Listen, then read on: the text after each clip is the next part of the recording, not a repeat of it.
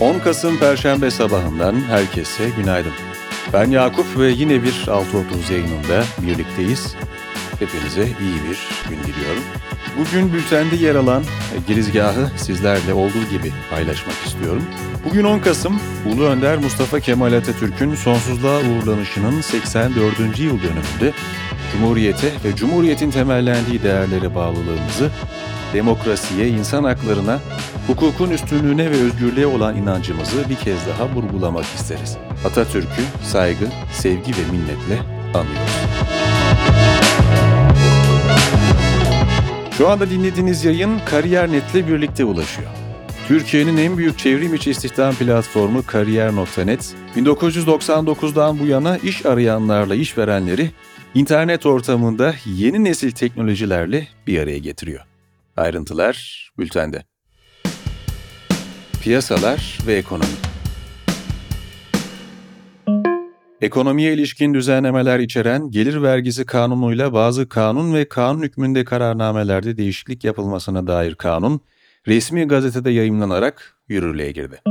Çevre, Şehircilik ve İklim Değişikliği Bakanlığı, Tapu ve Kadastro Genel Müdürlüğü yetkililerine göre, Ekim ayında Eylül ayına göre gayrimenkul satış işlemi sayısı %6 azaldı. Ekim ayında 274.552 gayrimenkul satıldı, 3 milyar 473 milyon 18 bin 751 lira tapu harcı geliri sağlandı. Bu yılın 10 ayında ise 2 milyon 705 bin 175 gayrimenkul satılarak 31 milyar 374 milyon 314 bin 564 lira tapu harcı geliri elde edildi. TÜSİAD Başkanı Orhan Turan, 14. Rekabet Kongresi'nde düşük faiz politikasının amaçlarının tekrar ele alınması gerektiğini söyledi. Suudi Arabistan resmi ajansı SPA'da yer alan habere göre, Suudi Arabistan'la Türkiye arasında doğrudan yatırım teşviği alanında işbirliği için bir mutabakat muhtırası taslağı hakkında görüşüldüğü ifade edildi. Uluslararası Enerji Ajansı Başkanı Fatih Birol, OPEC Plus'ın geçtiğimiz ay üretimi günlük 2 milyon varil kısma kararı için bu hamle özellikle gelişmekte olan ülkelerde enflasyonu körükleyen ve tekrar düşünmeyi gerektiren bir karar, dedi. Çin Ulusal İstatistik Bürosu verilerine göre üretici fiyatları Ekim ayında geçtiğimiz yılın aynı dönemine göre %1,3 düştü.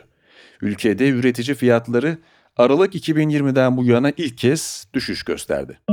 ABD'de Mortgage Bankalar Birliği verilerine göre konut kredisi başvuruları 4 Kasım'la biten haftada bir önceki haftaya kıyasla %0,1 azaldı. 30 yıl vadeli konut kredisi için ortalama faiz oranı yeniden artışa geçerek %7,14'e yükseldi ve 2001'den bu yana en yüksek seviyeye ulaştı. Rusya Devlet Başkanı Vladimir Putin'in imzaladığı kararname ile Rusya'daki dost olmayan ülkelerin pay sahibi olduğu 191 şirketin hisse işlemleri yasaklandı. İşlemler yalnızca özel izin alınması halinde gerçekleştirilebilecek. İş Dünyası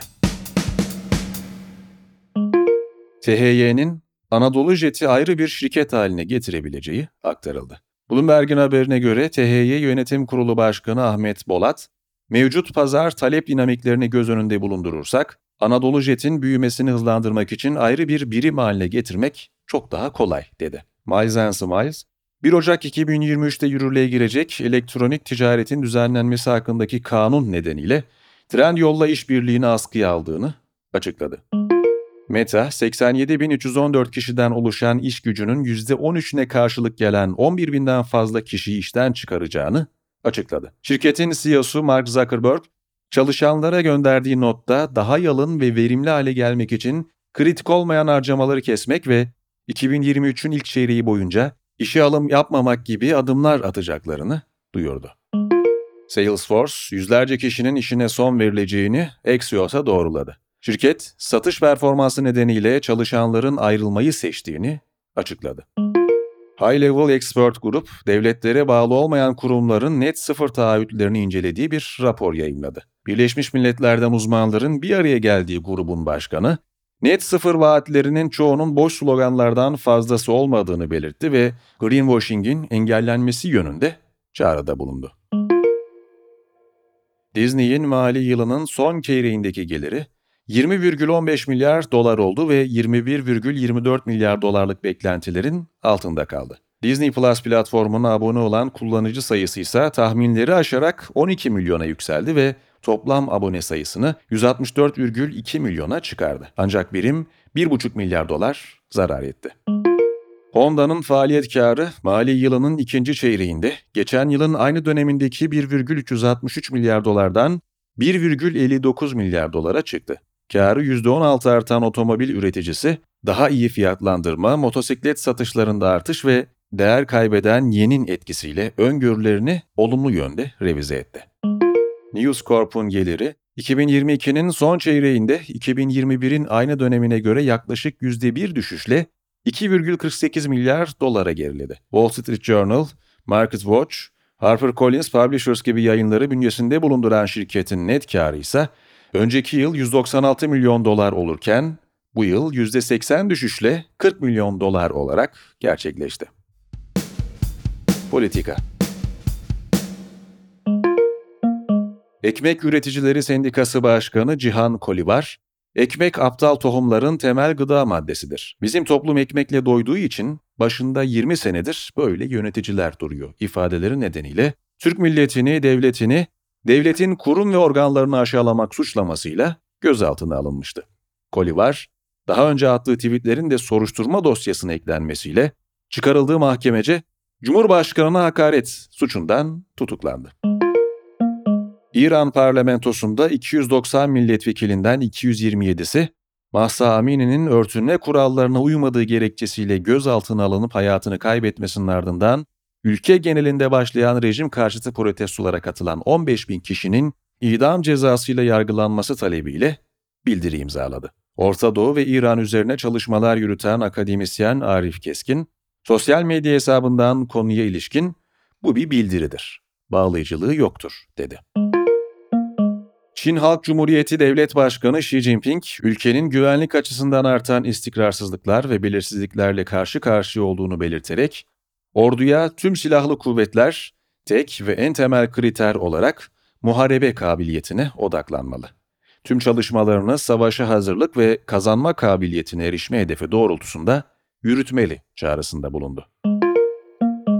Fransa hükümeti sözcüsü Olivier Veran, İtalya hükümetinin 234 göçmeni taşıyan SOS Akdeniz isimli sivil toplum kuruluşuna ait Ocean Viking gemisini limanlarına yanaştırmamasına tepki gösterdi.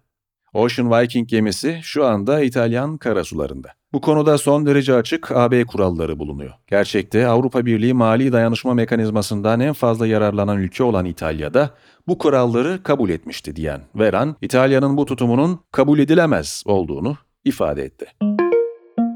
ABD'de düzenlenen ara seçimlerde resmi olmayan sonuçlara göre 100 sandalyeli senatoda Cumhuriyetçiler 49, Demokratlarsa 48 koltuğu garantiledi. Georgia, Nevada ve Arizona eyaletlerinde ise sonuçlar henüz netleşmedi. Teknoloji ve Startup Dünyanın en büyük kripto borsası Binance'in CEO'su Changpeng Zhao, kripto piyasasındaki likidite sorununu çözmek için başlıca rakiplerinden FTX'i satın almayı planladığını açıkladı. Amazon'un da dahil olduğu ticaret grubu, Microsoft'un Avrupa'daki müşterileri kendi bulut hizmetine yönlendirmek için hakim konumu kullandığı ve diğer hizmet sağlayıcılarına geçişi zorlaştırdığı gerekçesiyle Avrupa Komisyonu'na şikayette bulundu. Grup, Microsoft'un iş modelinin araştırılmasını talep etti. Almanya Bakanlar Kurulu, Dortmund merkezde Elmos'un çip fabrikasının Çin merkezli Sai Microelectronics'in iştiraki tarafından satın alınmasına karşı çıktı. Öte yandan TSMC'nin ülke sınırları içinde çip yapımını artırmaya odaklanan ABD'deki 12 milyar dolarlık fabrikasına ek olarak yaklaşık aynı tutara mal olacak ikinci bir tesisin temellerini attığı bildirildi. Spor Sultanlar Ligi 3. haftasında Fenerbahçe Opet, Sarıyer Belediyesporu, Vakıfbank, İl Bank'ı 3-0 mağlup etti. Houston Rockets forması giyen ve maçta 29 dakika 2 saniye süre alan Alperen Şengün 20 sayı, 10 rebound, 4 asist, 2 top çalma ve 1 blokla oynayarak double double yaptı. Dünya Para Judo Şampiyonası'nın ilk gününde milli sporcular döndü Yeşilyurt Zeynep Çelik altın ve Ecem Taşın Çavdar Abdurrahim Özalp iki gümüş madalya kazandı. Robert Lewandowski, Avrupa'nın en golcü futbolcusuna verilen altın ayakkabı ödülünü üst üste ikinci kez kazandı. Lewandowski'nin 2021-2022 sezonunda 35 golü bulunuyor. Para masa tenisi dünya şampiyonasında milli sporcular Ebru Acar ve Sümeyra Türk, dünya üçüncüsü olarak ülkeye tarihinde ilk kez bronz madalya kazandırdılar. Alternatif gündem.